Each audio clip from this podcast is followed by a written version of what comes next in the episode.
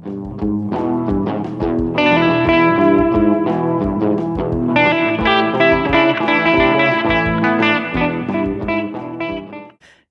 וברוכים הבאים לפודקאסט את, אני והזקנה. אני יעל חביב ואני מטפלת רגשית לבני הגיל המבוגר ואני מזדקנת כל יום.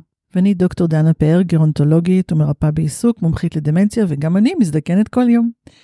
והיום אנחנו שמחות להיפגש עם מריה כץ, עובדת סוציאלית, מומחית מערכי דיור ומייסדת תו איכות גולד פקטור במערכי דיור. שלום מריה. שלום דנה, שלום יעל, וכנראה שגם אני מזדקנת כל יום. וטוב שכך, האופציות האחרות הן לא משהו. נכון. אז מריה, אנחנו, לפני שנצלול לעומק הנושא שלנו, אנחנו נשמח לשמוע מה הביא אותך אה, לעולם הזקנה. אה, שאת עוסקת בו כבר לא מעט שנים. אז uh, הביא אותי כוכבים, איך שאני אומרת, הגורל. לגמרי לא כיוונתי ההפך. אני הייתי בוגרת אה, תואר ראשון בקרימינולוגיה עם התמחות אה, במכורים לסמים. המסלול שלי היה לבתי סוהר ומתוך המסלול הזה בעצם אמרו שהתקדמות ובעצם אה, באמת רוב השירות הנדרש הוא עבודה סוציאלית ולא קרימינולוגיה ואז פניתי לעבודה סוציאלית. שם בעצם המסלולים הם דורשים לעשות פרקטיקום ומאחר וכבר בתואר השני הייתי בהיריון אמרו לי את לא תלכי לפרקטיקום לבתי סוהר אנחנו נחוס עלייך ואנחנו נשלח אותך לפרקטיקום לבית אבות. אה, זה קרוב לבית שלך ותעשי שם את השנה הראשונה של ההכשרה שלך כעובדת סוציאלית ככה בעצם הגעתי פעם ראשונה לבית אבות באמת אה, קרוב לבית שלי. אה, הציגו לי את המקום, הציגו לי את המחלקות, אה, זה היה על ידי מנהלת המקום של אה, בית האבות, על ידי מנהלת שירות הסוציאלי, ואמרו לי, בבקשה, פה את תפגשי את הדיירים, את המשפחות שלהם, ואז אמרתי, כן, רק בתנאי אחד, אחרי שאתם תשמעו את הדעה שלי, שאני חושבת שאת המשפחות צריך לתת להם קנס, ואת הבתי אבות לסגור. חזרתי חזרה לאוניברסיטה להתרכזות למי שהייתה אחראית התחום ואמרתי דרכי רגלי לא, לא תדרוך בבתי אבות אני נגד זה. ואז דאז מנהלת שירות הסוציאלי שהיום היא חברה שלי וקולגה לתחום הרבה מאוד שנים אמרה לי מריה תקשיבי תני לנו חודש לא ישתנה כלום מבחינת התפיסות שלך, אני זאתי שילך לרכזת באוניברסיטה ותשני מסלול. והחודש הזה הפך ל-17 שנה, ואני באמת מאמינה שמי שפעם ראשונה בחיים, או בכלל פעם אחת נתקל בגריאטריה ועולמות הזקנה, זה הוא נשאר לכל החיים שם. זה עולם ומלואו. בחודש הזה בעצם הבנתי כמה הזקנה היא מורכבת, כמה אפשר לצלול שם לעומקים מכל ההיבטים ולא רק אדם המבוגר אלא בני משפחתו, כי אני תמיד רואה את האדם כתא משפחתי בעצם עם כל בני המשפחה כמשפחה רב דורית, ומשם בעצם אני עד היום עוסקת במערכי דיור. מאיפה הייתה ההתנגדות הראשונית של אה, בעצם צריך להעניש את המשפחה ולסגור את כל בתי האבות? כי מה שלצערי הרב גם עד היום רווח, אוקיי? אצל הרבה אנשים שזה אל תשלחני לעת זקנה. כי זה משהו שהוא לא טבעי, אוקיי? בתפיסות שבן אדם בטח כשהוא מגיע לגיל אה, הזקנה שהוא הכי תלוי בילדים שבעצם אה, ממש אקטיבית פיזית משליכים אותו מביתו לאיזשהו מסגרת כן? אז טבעי הדבר הראשון שהוא עולה זה כעס כלפי ילדים כלומר אז, איך אתם לא מסורים דווקא בזקנה אוקיי? להשליך. וגם uh, כי הרבה פעמים כי מישהו פעם ראשונה מגיע לבית אבות זה מקום שכן יכול לעלות גם הרבה עצב כי בסך הכל מדובר על הרבה אנשים שהם בחולי. uh, פיזית רואים הרבה פעמים גם כיסאות כיסאות גלגלים וכבר אה, כמו שאני אומרת זה לא ללכת לסיורים לא, לאוניברסיטאות או לפאבים והיפידו זה מקומות שהם יכולים להעלות עצב אבל שוב כשמכירים וצוללים את זה לתוך העולם הזה העצב הזה הוא מאוד מתחלף בחמלה. אז זה נורא מעניין שלפני 17 שנה 18 שנה אמרת את, את, את הנחת היסוד הזו והיום 18 שנה אחרי את. את אפילו מקדמת, או אולי עוזרת, או אולי מלווה אנשים להיכנס לדיור מוגן. לבית אז- אבות, לבית לדיור אבות, מוגן, דיור- לבית אז, הורים. אז, אז בואי תספרי קצת מה זה גולד פקטור באמת. אז אה, לפני שאני אספר גולד פקטור, אה, אני באמת אתייחס למה אני עושה. אה, עוזרת כן, מלווה כן, אבל בעיקר אני פוגשת משפחות בצמתי החלטה, שהם אה, ניצבים בפני מציאות באמת של אה, לבחון חלופות טיפול, מתי שהם כבר מבינים שהבית לא, לא מספיק נותן את המענה הזה. אז בדיוק בצמתים האלה אני פוגשת אותם, בשביל קודם כל להבין באמת האם מעבר לסביבת דיור חדשה במסגרת הדיור זה משהו שהוא ייטיב עם הבן אדם וייתן את המענה לסך כל הצרכים של הבני משפחה. אה, זה בעצם מה שאנחנו עושים. אני עושה את זה כן במסגרת מרכז רב דורי גולד פקטור שבעצם קם כתב איכות הראשון בארץ, כתב איכות המשלים למדדים מה שיש היום בארץ אה, של משרד הבריאות, של משרד הרווחה, כל הגופים הרגולטוריים שבעצם נותנים אה, במסגרת הרישיון שהם נותנים להפעלת המקומות האלה, שמן הסתם גם אה, מדדים ודירוג ומבחינת דירוג האיכות. וגולדפקטור קם גם כן עוד פעם מתוך השטח, מתוך זה שפגשתי הרבה משפחות במסגרת מערכי דיור, שהיה לי חסר מאוד מידע, מידע על uh, well-being בבתים האלה, אוקיי? אז נכון שיש uh, קריטריונים רגולטוריים שמאוד חשובים, זה basic, כן?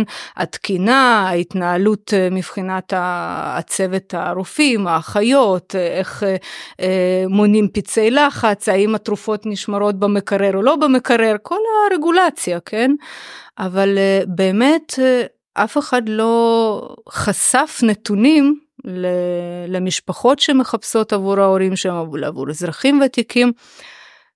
איך האיכות החיים במקומות האלה, מה השביעות רצון, מה הפרמטרים שהם שונים בהם פרמטרים רכים, אוקיי?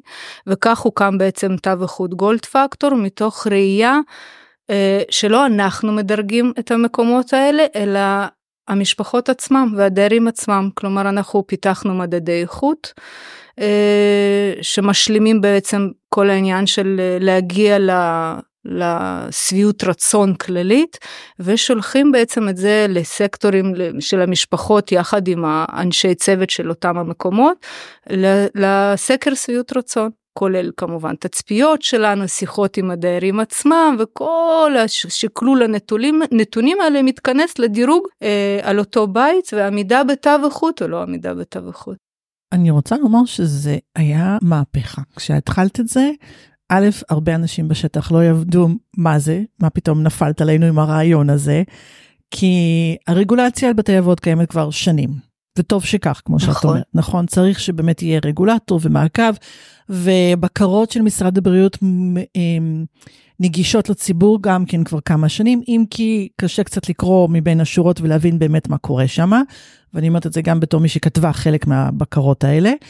והשמות, חברות השמה לבתי אבות גם כן, יש המון המון שנים בשוק וככה זה מתנהל, אבל המחשבה של לעשות תו איכות, שהוא, אני אקרא לזה לצורך העניין, תו איכות אזרחי. נכון. אוקיי? ולא רגולטורי, ולא ממשלתי, ולא מהריבון.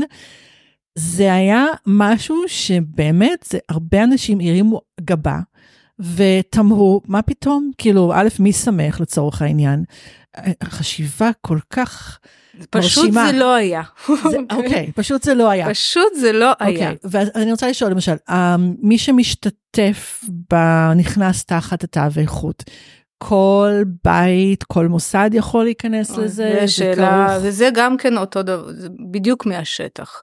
כשקם תו איכות הוא קם מתוך הצעה, כמו דומה לאיזו, למדדים שאנחנו מכירים, בפנייה ישירה לאותו מקום, לבוא ולהגיד, אם אתם כמקום מאמין שאתם באמת יותר טובים מאחרים, או, ש... או שיש לכם כבר הרבה שנות מוניטין כמקום, אנחנו נותנים לכם במה לחשוף את זה, לחשוף את השביעות הרצון של המשפחות. ואם יש איזשהו פערים, לדייק אותם ולשפר אותם, יהיה לכם כלי ניהולי, כי אתם מקבלים את כל הניתוח של כל המדדים באמת עד לרזולוציות, האם צבע צלחות המוגשות בארוחת צהריים זה פקטור שמשפיע על שביעות רצון או לא, באמת אמיתי שזה חלק מ, מתוך 276 קריטריונים שנכללים בתו איכות, אוקיי? אה, וזה היה מדהים לראות שזה משהו שאני יכולה לנתח את זה היום כאשת מקצוע של הרבה שנים בתחום הזה. כשפנינו לבתים ופנינו באמת מן הסתם קודם כל לבתים הטובים ביותר שיש בשביל באמת שיהיה איזשהו ביטחון. בעקבות הרבה פעמים בגלל הרגולציה ורגול, ורגולציה הרבה פעמים נוקשה ולא צודקת אוקיי אני קראתי עם השותפה שלי אה, לאווירה הזאת כמו אישה מוכה. כבר גם כשאתה פונה לבית שהוא באמת טוב, אוקיי? והוא אומר לי בשיחה בשולחן שהוא, אין לי ספק שתפני למשפחות והם יגידו שהם ממליצים, אנחנו יודעים את זה, כן? אבל באמת, מה, אתם תבואו ותזכרו אותם ואת כל זה יעלה לגוגל? לא, לא, לא, לא, לא, לא. אתם מבינים, זה, זה היה אחד האתגרים המאוד קשים לתת ביטחון ואמון קודם כל לבתים עצמם שאתם מדהימים, ואחרי זה שבאמת הנתונים האלה עלו על דרך אגב, תו איכות הוא מתקבל אך ורק מינימום על 70 אחוז סך הכל סקירה של הבית, לא פחות מזה. ואז כשעשינו פרזנטציות מול כל אנשי הצוות, על כל המדדי איכות, כולל החוות דעת, אנשים בכו בפגישות האלה. בכו, אנשי צוות בכו ואמרו, אנחנו לא מאמינים שבאמת, מה, אנחנו כאלה? כן, אתם כאלה, וכן, ככה המשפחות מעריכות אתכם. ואז מפה לאוזן, מפה לאוזן, כשכול לאט לאט התחילו להבין שזה לא כזה מפחיד, ושסך הכל זה בא מאוד לשרת אותם, וגם אם היו בתים שלא עברו תו איכות, אבל זה גם היה מתוך פרספקטיבה לא של נו נו נו, אוקיי? אלא שקחו ותשתפרו, יש לכם בדיוק על מה להשתפר והם חזרו אחרי חצי שנה וזה היה מדהים לראות שמכל השינויים שהיה צריך, שעלו שצריך לשפר, הם היו שולחים כל הזמן תמונות, עשינו את זה, תלינו את זה פה, כלומר זה היה התלהבות ולחזור ובעצם בסוף כן לעבור תו איכות ובאמת עברו, כלומר מדדי שביעות רצון עלו מאוד. זה מדהים בעיניי איך בעצם זה, זה, זה סוג של שירות שהוא ווין ווין. נכון. זאת אומרת, אנחנו עובדים פה ביחד בשביל לשפר איזשהו מוצר ש, שגם אני כבית אשתפר, וגם מי שגר אצלי בבית יהיה מרוצה, זאת אומרת, זה, זה נראה לי באמת מעגל של win win situation, הדבר הזה. אני רוצה לשאול אותך רגע איזושהי שאלת uh, תם, ההבדל בין uh, דיור מוגן לבית אבות. כי אנחנו משתמשים הרבה בדיור מוגן, בבית אבות. משתמשים גם בדיור מוגן וגם בבית אבות, זה שני המונחים גנריים. כלומר, once יש לנו, אפרופו קטלוגים בזקנה, כן? once אנחנו מדברים על בן אדם מבוגר, אז יש לנו בסלנג שלנו או דיור מוגן או בית אבות. אז כן, קודם כל, מבחינת ההגדרות שירותים האלה כבתי דיור הם שונים לחלוטין, ואני כבר אגע בזה, וספציפי על המונח בית אבות, אני כבר שנים לא משתמשת במונח הזה. אני ממש סולדת מהמונח הזה, אני חושבת שהוא לגמרי עבר זמנו והוא לא רלוונטי לחלוטין מבחינת סוגי פתרונות דיור שיש. יש חוויית לקוח שאפרופו דרך תו איכות גולד פקטור נכנס פעם ראשונה לתחום הגריאטריה של מערכי דיור חוויית לקוח למה צריך בכלל חוויית לקוח כן צריך בשביל זה בדיוק עוברים לשם בשביל לקבל חוויית לקוח. את יודעת כי בבית שלי אף אחד לא עושה לי חוויית נכון. לקוח נכון. כאילו גם לא בבית שלי בבניין שאני גרה בו אף פעם לא היה. אבל כלקוחה שצורכת כל שירות ולא משנה מה זה כבר בתת מודע שלך לעשות תמורה למ... מחיר או לשקול לצרוך כל שירות כחוויית לקוח. איך את קוראת לבית אבות? או דיור סיעודי או דיור עם מחלקה שהיא מוגנת לאנשים שמתמודדים עם דמנציה או דיור תומך שזה בעצם לאנשים שצריכים עזרה נקודתית. אבל כל זה מתכנס למילה גנרית שאנחנו מכירים בתי אבות. כאילו בית אבות הוא יותר טיפולי ודיור מוגן הוא יותר... אז זהו, דיור, דיור מוגן כמענה כסביבת הדיור לאנשים בגיל המבוגר הוקם כמענה ללא שום קשר לטיפול אלא של אנשים שרצו לשפר איכות החיים שלהם מבחינת לייפסטייל שבעיקר הערך המוסף בבסיסו של דיור מוגן זה קהילה זה להתגורר בקהילה בני גיל שווה פחות או יותר, ובעיקר, בעיקר מעבר לחברתי, זה הנגישות. כלומר, כל השירותים שבן אדם יכול לצרוך בקהילה, כמו למשל קאנטרי, בריחה, אה, חדר כושר, מועדון חברתי, הצגה בקאמרי, בגלל שיש כל מיני, בנתיבי הזקנה שינויים, לא תמיד יש את, ה... יש את זה בקהילה. אבל לא תמיד לאדם המבוגר יש כבר מספיק משאבים ליזום ולהניע את עצמו לשם, ואז הרבה פעמים קורה פער הזה שמצד אחד הוא יכול, מצד שני יש את זה בקהילה, אבל בסוף כולם יוצאים קרחים והוא לא משתמש בזה. וכאן מגיע באמת ערך מוסף מאוד גדול של דיור מוגן, שאת כל זה הוא מביא בנגישות. עכשיו, לא רק שזה נגיש מבחינת הקומפלקס של המבנה עצמו, גם אה, האווירה היא, היא מדרבנת, היא מעודדת לזה. הוא מתחיל מבוקר טוב, יש הרצאה בשעה 11, בואו תרדו, ובארבע שותים קפה ביחד, ומשחקים דומינו, והולכים לקאנטרי ביחד, כאילו לבריחה והכל. אז זה בעצם המענה של דיור מוגן. ולכן, אם אנחנו מדברים על שיפור איכות חיים ולייפסטייל, אנחנו לא מדברים בעצם על הגדרות תפקודיות כבר במונחים של סיעודי, או מתמודד עם דמנציה, או עזרה תפקודית כזו או אחרת. זה בבסיסו נועד לאנשים עצמאיים ומתפקדים. שגולד פקטור בעצם הוא, הוא גם מדד לדיור מוגן והוא גם מדד לבית אבות? זה שני מדדים שונים, או. אי אפשר להשוות בכלל. עדיין יש כאן את המוטיב של חוויית ל- הלקוח. לחוויית גם... לקוח, אם אנחנו מדברים על גולד פקטור בדיורים מוגנים, בעולמות של דיור מוגן, הפקטורים הם יותר כבר עניין של אה, גמישות, אוקיי? למשל, לעודד, אה, כן לאפשר לעבור דייר עם חתול או עם אה, כלב, עד כמה דיור מוגן משמר על אוטונומיה ביחס להפוך, אוקיי? הוא מגביל מבחינת היום-יום. אז זה מדדים שונים מאשר כשאנחנו מדברים על אנשים שרוב החוויית לקוח דווקא מתקבלת בכלל מבני המשפחה ולא מה, מהדייר עצמו. אז זה מדדים שונים. בוא על מה מביא אנשים אה, לעבור, לא נלך על דיור מוגן, אבל בוא נדבר על לעבור למסגרת... מסגרת שהיא כבר נותנת שהיא תמיכה. שהיא מחוץ לבית, mm-hmm. שהיא עניין תפקודי. Mm-hmm. זאת אומרת, את פוגשת את אנשים, את המשפחות בצמתי חיים. נכון. אז מה מעורר את הצמתים האלה? כי אנחנו יודעים שבעצם יש היום את האפשרות להעסיק אה, עובד סיעודי צמוד בתוך הבית. נכון. אה, שזו פתרון, עם כל המורכבויות שלו, זה פתרון, פתרון נהדר שיש בארץ, אין בהכרח במדינות אחרות בעולם, אנחנו משתמשים בזה. ובכל זאת אנחנו רואים שיש צורך, לא פעם, שאנשים יעברו מחוץ לבית שלהם. אם את יכולה לספר לנו באמת מה, מה צריך, בגדול, מה, מה הגורמים לכך. אני רוצה להוסיף שיש גם את המושג שאני חושבת שכל האנשים שעוסקים בזקנה משתמשים בו ב-aging in place, בעצם להזדקן בבית שלך, ברור. בסביבת המגורים שלך, בשכונה שלך, במכולת שלך, אז באמת איפה זה בא לידי ביטוי במעבר לבית אבות. אני אתייחס טיפה לגבי המספרים, אוקיי? כשבאמת אה, מדברים בתי אבות ועובדים זרים והכול. אז ברור שזה לא סוד ל... לאף אחד, בטח לא אנשי מקצוע, שלהזדקן בסביבה הטבעית וביתית בוודאי שזה האופציה המועדפת והנכונה, טבעית, כן, לכל בן אדם.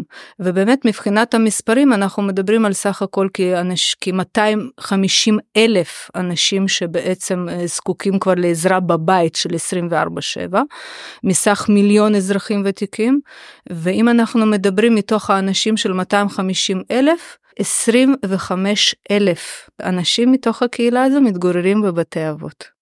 אז אנחנו מדברים בסביבות שלוש וחצי אחוז, שזה גם בהמחשת המספרים, אנחנו מבינים את הנטייה הטבעית והפתרונות שיש והרצונות לשמר אנשים בקהילה עם העסקת עובדים זרים או עם מטפלים, לא משנה, בכל מה שאפשר אה, להיעזר בזה, לעומת פתרונות דיור. אני רוצה רק לומר שכשאני התחלתי לעבוד בתחום, כמה שנים לפנייך, האחוז האנשים במוסדות היה 8 אחוז. נכון. אחד הדברים שראוי לציין, שבאמת המדינה עשתה ועם כל המורכבויות והבעיותיות, זה באמת הפתרונות שיש היום בקהילה. והנגישות של נכון המון מאוד. המון שירותים בקהילה, של קופות החולים והרשויות המקומיות, המתנסים והמרכזי יום והכל, באמת אפשרו להגיע למצב שאנחנו בחצי מבחינת אחוז נכון האנשים מאוד. שנמצאים מחוץ לבית, וזה באמת ראוי לציון. נכון מאוד, היא חלה ירידה משמעותית כמעט באמת בחצי בשני עשורים האחרונים, וגם אם אנחנו מדברים בהשוואה למדינות ה-OECD, ישראל מבין המקומות הנמוכים ביותר מבחינת הצריכת השירות הזה של מערכי דיור. לבוא ולהגיד לך מהכובע שלי, כמומחית מערכי דיור, האם זה טוב תמיד או לא, לא בטוחה, כי יפן רק עולה. אוקיי? בצריכת השירות הזה. עוד פעם, זה הכל עניין באמת מה החלופה ומה השירות הזה נותן. אז uh, אני חושבת שיש פה עוד הרבה מה ללמוד uh, לעומת uh, מדינות בסינגפור או, ב- או ביפן, מה הם נותנים במסגרת מערכי דיור, לעומת בארץ. אבל כן, אני מסכימה איתך שחל שינוי מאוד גדול בנגישות באמת לשלב את האדם המבוגר בקהילה ולהנגיש לו את השירותים, כמו יחידת טיפול בית וכמובן כל העניין של העובדים זרים והכל. אבל עדיין, יש מציאות ויש הכרח מציאות שלפעמים באמת המשפחה מגיעה לצומת הזו שהם צריכים לקבל החלטה, תוך הבנה שהסביבה הביתית כבר, אה, לא רק שהיא לא מתאימה, היא גם מזיקה. וזה לאו דווקא ספציפי, אה, יש עובדת זרה או אין עובדת זרה, האם בית נגיש או לא נגיש לכיסא גלגלים, זה קונסטולציה שלמה של כל המערך להחזיק שגרה טיפולית מיטבית בבית. וזה תופס הרבה מאוד גורמים. עד כמה כבר תומך העיקרי שחוק או לא שחוק. ואם אתה כבר שחוק ואתה כבר לא נעים לא רק להורה אלא לעצמך ולהכל,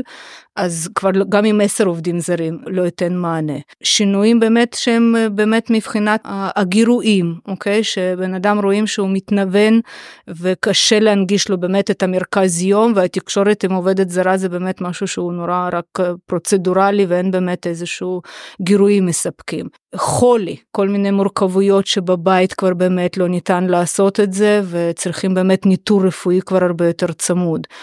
ויתרה מכך אני רוצה להגיד שדווקא הצמתים היותר מורכבים בהתלבטויות האלה הם דווקא לפעמים פחות בסיעודי אלא לאנשים יותר מתמודדים עם דמנציה.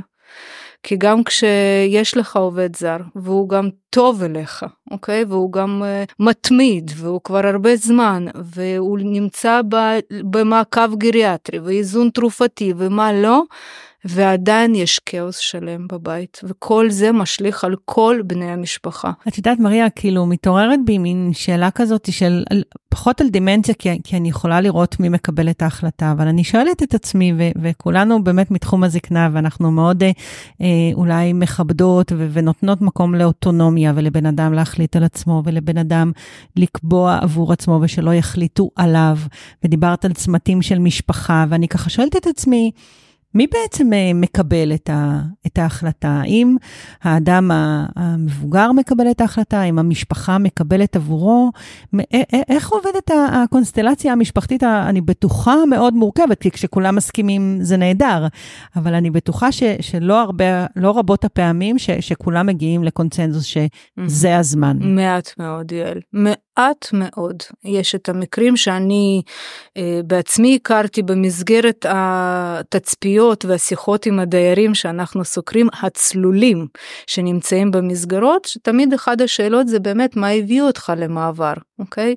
מעט מאוד אנשים באים ואומרים זו הייתה החלטה שלי, מתוך... אה, וזה היה מדהים שזה פשוט קורולציה של אה, מעל 85 אחוז, זה בשביל לא להקשות על הילדים. מדהים, כלומר זה הייתה החלטה מתוך אני, אני לא רוצה להיות לנטל, אוקיי? ויש פה מקום שדואג לי, יש לי את הזה, יש לי את הארוחות, יש לי את החדר ובחרתי. עכשיו המנוף להחלטה הזה הרבה פעמים אנחנו יכולים לראות מתוך ניסיון בשיקום דווקא. כי כשבן אדם מגיע לשיקום והוא נמצא בסביבה חברתית ועושים פיזיותרפיה ויש זה באים למשפחה ואז באים ואומרים אתם יודעים מה אני רוצה לבחון מסגרת לעומת uh, לחזור הביתה עם עובד זר אבל אם אנחנו מדברים מכלל ההחלטות של המעבר אני מדברת על לא יותר מ-10 אחוז. שיש בעצם פה מעורבות אקטיבית של קבלת החלטה מהמועמד עצמו למעבר. 90 אחוז מתקבלים על ידי בני המשפחה. אני מנסה ככה לעכל את, את הנתון הזה, אם הוא נתון טוב, אם הוא נתון מדאיג, אם הוא נתון...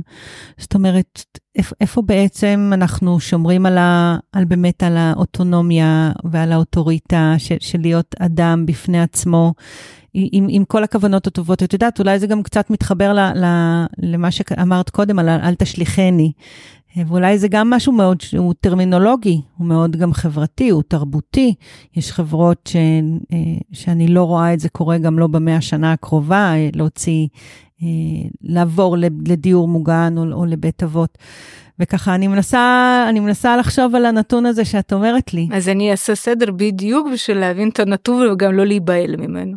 כי שוב, אם אנחנו מדברים על סך מערכי דיור, ואנחנו צריכים להפריד, אם אנחנו מדברים על דיור מוגן או דיור תומך, שדיור תומך זה בעצם סביבת דיור שהיא תומכת נקודתית במהלך היום. בן אדם לא מוגדר לא עם דמנציה ולא סיעודי, אלא הוא צריך סביבה ככה, בגדול דיור תומך זה ה... זה הבית אבות שלפני 500 שנה קם, כי בית הורים סביבה לאנשים מבוגרים, זה הדיור תומך. אז במערכי דיור האלה, הקבלת החלטה היא אך ורק על המועמד. אך ורק אפילו לפי פרוטוקול קבלה, אתה לא יכול לעבור לדיור מוגן או לדיור תומך בלי ועדת היכרות, ששואלים אותך מי השפיע על הדעה שלך, מה גרם לך לקבל החלטה, האם אתה מוכן לניסיון, חד משמעי, אוקיי? ודווקא פה אנחנו רואים לחלוטין משפחות ההפך, למה אתה צריך את זה, ובוא את זה, יש פה גם אלמנטים של כסף והכל, אז פה לחלוטין. כשאנחנו מדברים על 10% של קבלת החלטה, ההחלטה במערכי דיור שמתייחסים למחלקה סיעודית או מחלקה לתשושי נפש, כלומר מחלקה אנשים עם דמנציה, זה רק מראה לנו שבמערכי דיור האלה רוב האנשים הם לא צלולים. זה כבר אנשים שהם נמצאים עם חולי, אנשים שכבר ירודים תפקודית, מרביתם כבר אחרי העסקה של עובד זר ומשהו כבר לא צלח לאורך זמן. אז לכן אם סך הכל האוכלוסייה שמתגוררת במוסדות סיעוד אלו, יש כעשרה אחוז צלולים. אני רוצה להבהיר איזושהי נקודה ששואלים אותי לא פעם לגבי, אוקיי, זאת לא ההחלטה שלו, אבל מה המעמד המשפטי? של המשפחה. האם המשפחה יכולה לקבל את ההחלטה עבור האדם שאינו בר שיפוט, אבל הם עוד לא מינו אפוטרופוס, עוד לא ייפוי כוח וכדומה, הם יכולים לקבל את ההחלטה הזאת? כן, זו תשובה מורכבת מכמה סעיפים. תלוי איך פונים ולמי פונים במסגרת, באיזה מסגרות.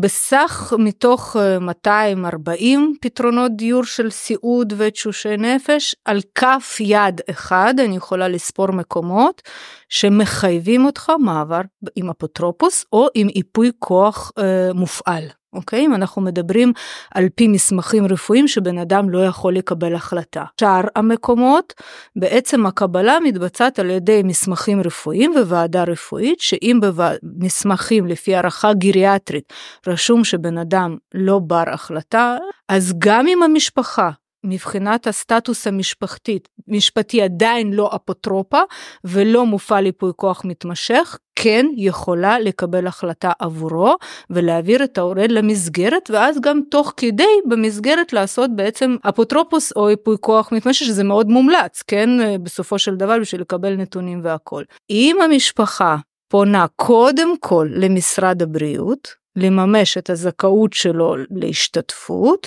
אז בהליך הפנייה יש דוח סוציאלי שמחייב בעצם ביקור של עובדת סוציאלית, ופה בתהליך הזה יהיה חייב למנות אפוטרופוס בשביל לעשות את הקוד, ואז להעביר לבית האב. טוב, זה, זה כל העניינים הפרוצדורליים, כן. שיש, שאיך שמדברים עליהם, כואב לי הראש, וככה ישר אני מאבדת, אה, מאבדת את חוט המחשבה, אבל נהדר שיש אנשים כמוך שאפשר אה, לבוא ולהגיד, תקשיבי, יש פה משהו פרוצדורלי, אם את יכולה רגע באחד הכובעים המקצועיים שלי אני מטפלת זוגית ואני פוגשת לא מעט uh, זוגות uh, שחלק, uh, אפרופו צמתים, זה הצומת אם לעבור לדיור מוגן או לא לעבור לדיור מוגן, זה ככה שיח שהרבה פעמים מתגלה בין בני זוג, שאחד רוצה ואחד ממש מסרב, וככה זה מאוד מעניין הדינמיקה הזו של, של מתי כן, מתי לא, וזו גם שאלה שאני נשאלת המון.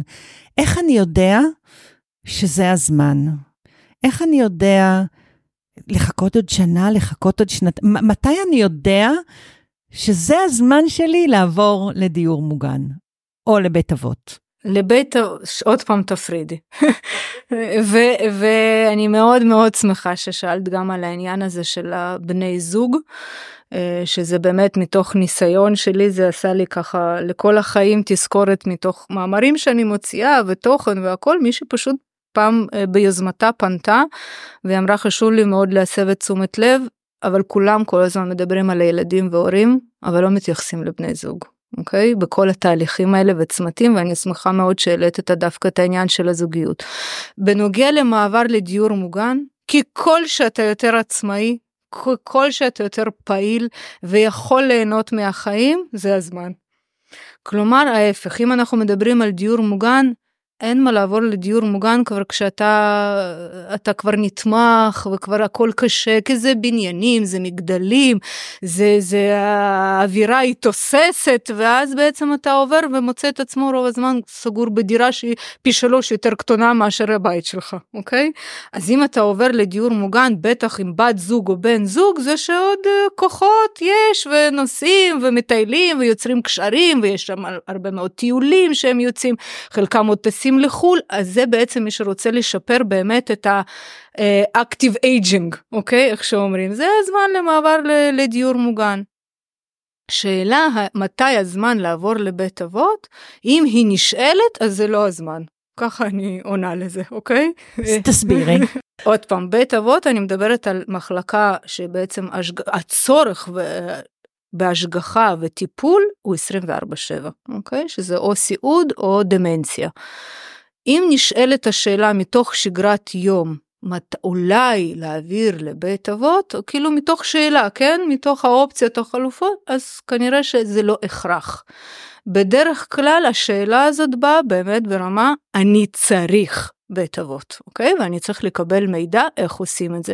שזה עוד פעם זה מין כל מיני נסיבות, אשפוז, בית לא מתאים, אה, אירוע בריאותי, עזיבה של עובדת זרה, אוקיי? הרבה שנים ולא רוצים עוד פעם להיכנס לכל התא. כלומר, יש איזשהו משבר שבאים ואומרים, אוקיי, זה הזמן לבדוק את זה, אוקיי? לא איך ניגשים ואולי, אוקיי? אז, אז מה, בעצם, מה, מה בעצם את עושה בצומת? אני, אני באה אליך ואומרת לך, תקשיבי, מריה, כן. אני בצומת. וגם אז לא בטוח שאני אמליץ לעבור על בית אבות. אוקיי. ממש לא, אוקיי?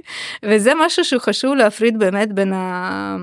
שאנחנו לא, לא פועלים ולא תופסים ולא קמנו כחברת השמה. אה, חברת השמה, אה, כבוד הוא להם, באמת אה, רוב המענה שלהם זה אני צריך, זה הרשימת מקומות, הולכים, רואים, קדימה, זה יותר טוב, זה פחות טוב ומעבירים.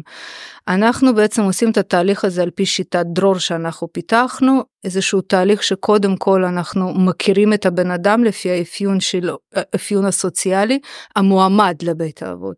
מה העוגנים שלו, מה הסביבה שלו, מה נעשה עד עכשיו, מה מומש דרך הקהילה, מה לא מומש, מה הציפיות של המשפחה במעבר למסגרת.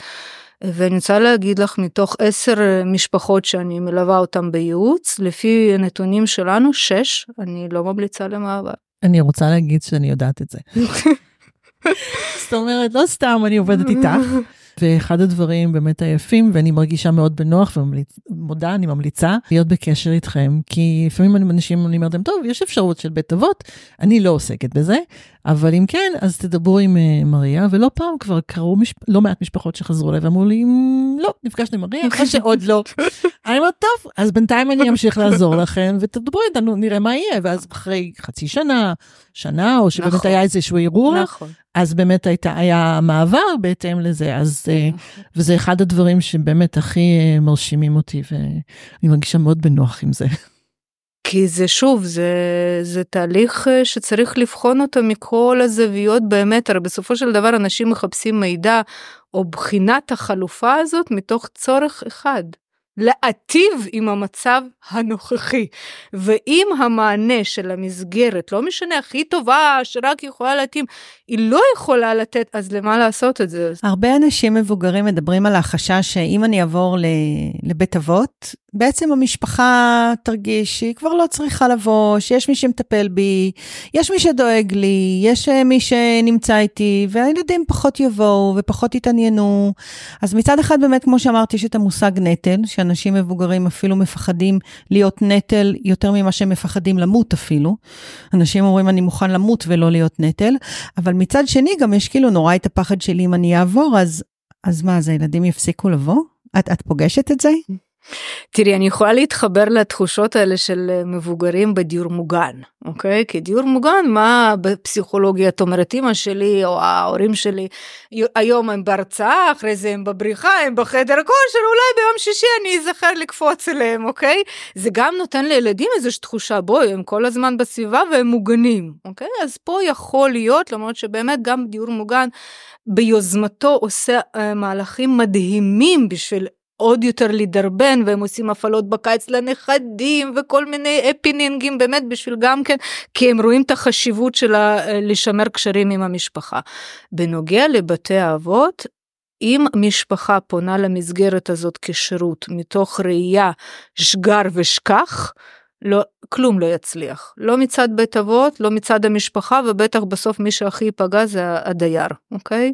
כשנעזרים במסגרת של בית אבות זה אך ורק מתוך תפיסה שהמשפחה ממשיכה להיות מטפלת פשוט בתפיסה אחרת. זה הכל. זה תקשורת, זה שיתוף פעולה עם המסגרת, זה לבוא כל הזמן לביקורים, גם איך להגיע לביקורים ומה המהות של הביקור, אוקיי? זה לחלוטין הם ממשיכים לנהל שגרת יום פשוט אחרת. אז אחרי שבעצם משפחה העבירה את האבא או את האימא לבית אבות, את ממשיכה ללוות את המשפחה? בטח, חד משמעי, כי שם זה הרוב, הצורך, דרך אגב. לבוא ולאפיין מי שכבר באמת צריך, ואני נותנת המלצה למעבר ומתאימים את המקומות והכל.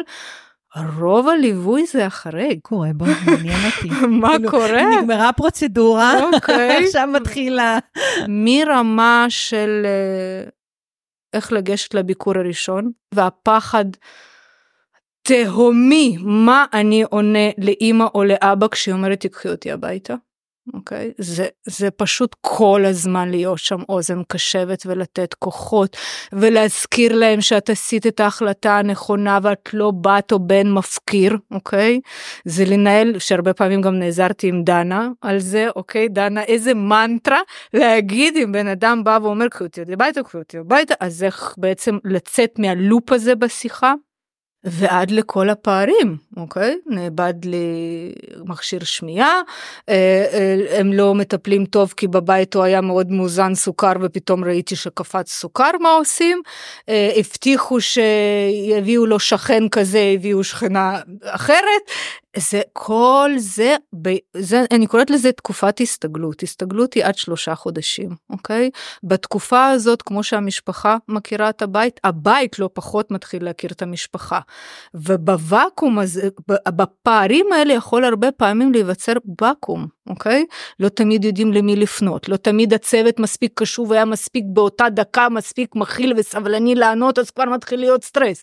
אז בכל התקופה הזאת אנחנו שם איתם. אוקיי? בלדבב ולתקשר, וזה ייאמר לזכותו של הצוותים של הבתים שעומדים באמת אה, בגולד פקטור, זה, אני לא יודעת מה הייתי עושה באמת, כי רמת התקשורת שלנו מולם וכל הניואנסים ולדייק ומה את אומרת ותדברי ככה והיא צריכה תחושת ביטחון, לא, וזאתי התותפת, שבועות לא זזה ממנה, וכאילו כל הדברים האלה מאחורי הקלעים מובילים לנחת ולתחושת הביטחון במעבר.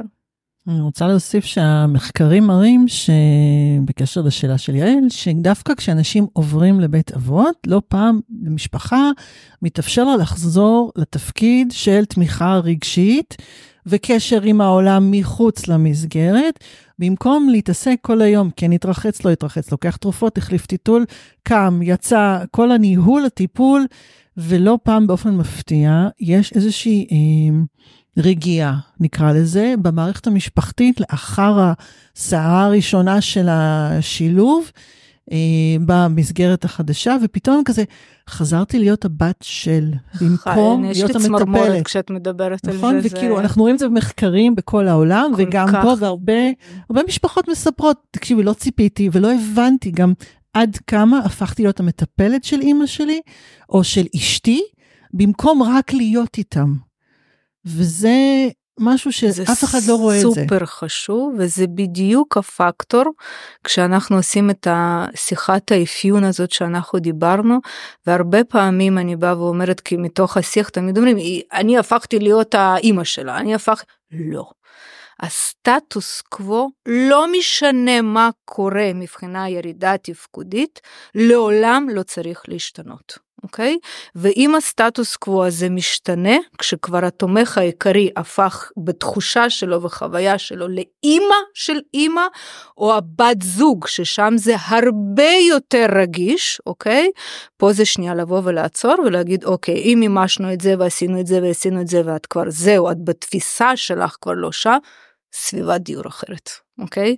בעצם לעשות ניטרול של כל הדברים האלה בשביל להחזיר את הסטטוס קוו ושנייה בכלל לבוא ולהגיד להגיע לביקור ולדבר על הנכדים. ולדבר על הילדים ולדבר על חבר היום אוקיי ולא האם אכלת לא אכלת למה לקחת את התרופה הזאת למה קמת כי עוד שנייה טיפלי ואז זה כבר זה בדיוק השבירת של הסטטוס קוו הזה. נכון אני חושבת שהחשש שאני התייחסתי אליו הוא יותר החשש של הזקן זאת אומרת, לא, לא של אה, בני המשפחה, אלא באמת של האדם המבוגר, אה, ככה ש, שעובר, אה, שיוצא מהבית. ובהקשר הזה אני רוצה לשאול אותך, איך לוקחים בית, חמישה חדרים, חמישים שנות, ומכניסים אותו לחדר? זו תמיד שאלה שנורא מטרידה אותי.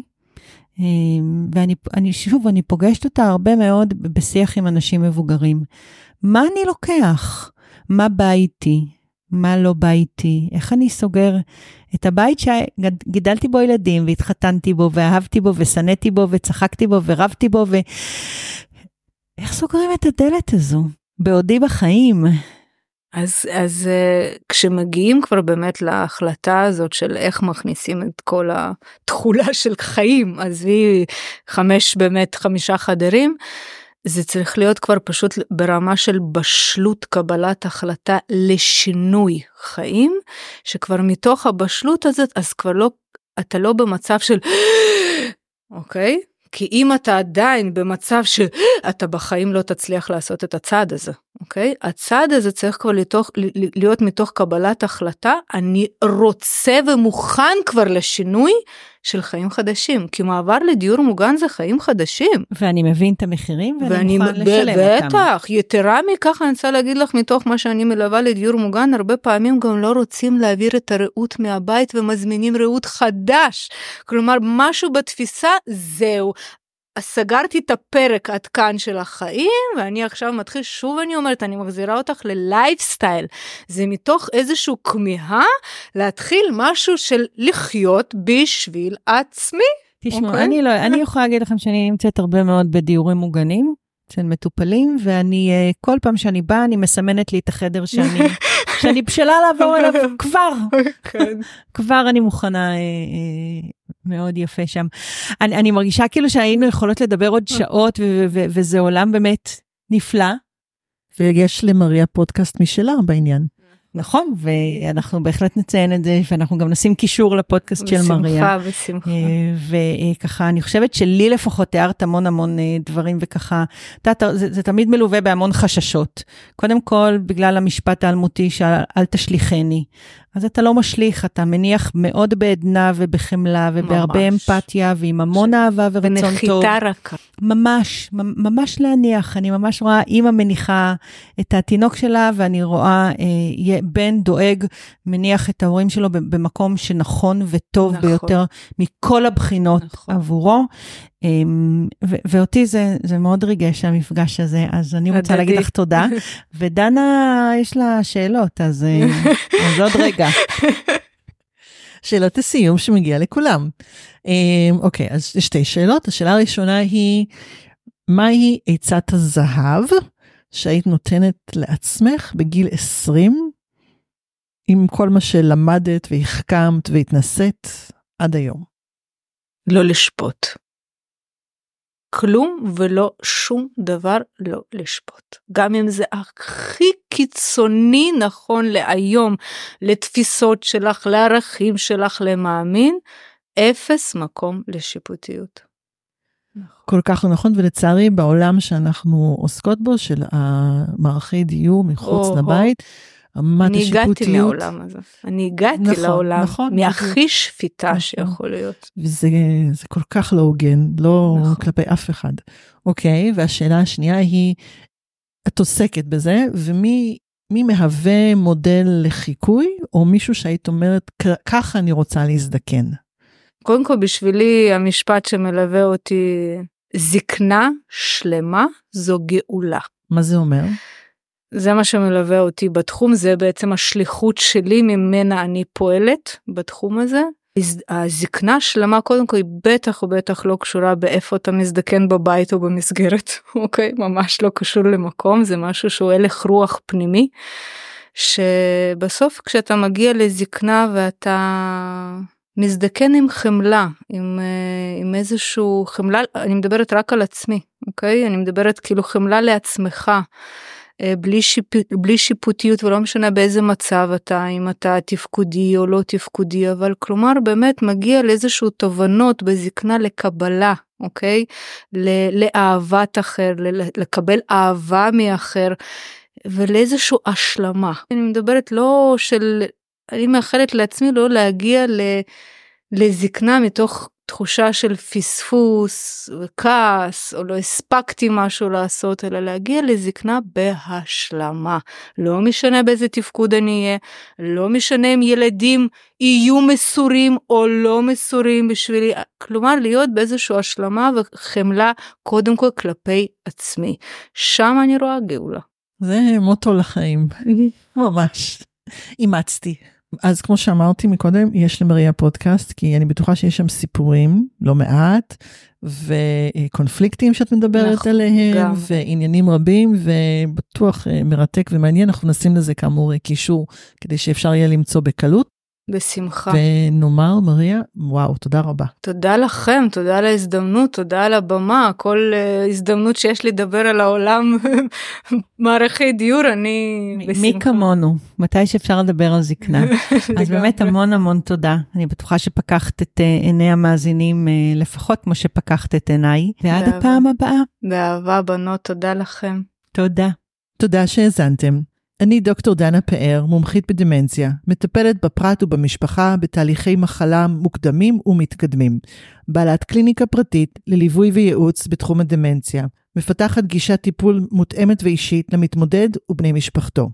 תזכרו, זה שיש דמנציה לא אומר שאין מה לעשות. תדברו איתי ונחשוב ביחד איך להיטיב את איכות החיים שלכם ושל יקירכם. אני יעל חביב, יועצת זוגית ומשפחתית לבני 60 פלוס. אשמח לפגוש אתכם למפגשים אחד על אחד או בהרצאה או בקבוצה על מגוון נושאים כמו סבאות וסבתאות, יחסים זוגיים בגיל המבוגר, קשרים בין-דוריים, ובאופן כללי על איך לחיות בטוב, בקשרים וביחסים, גם בגיל המבוגר.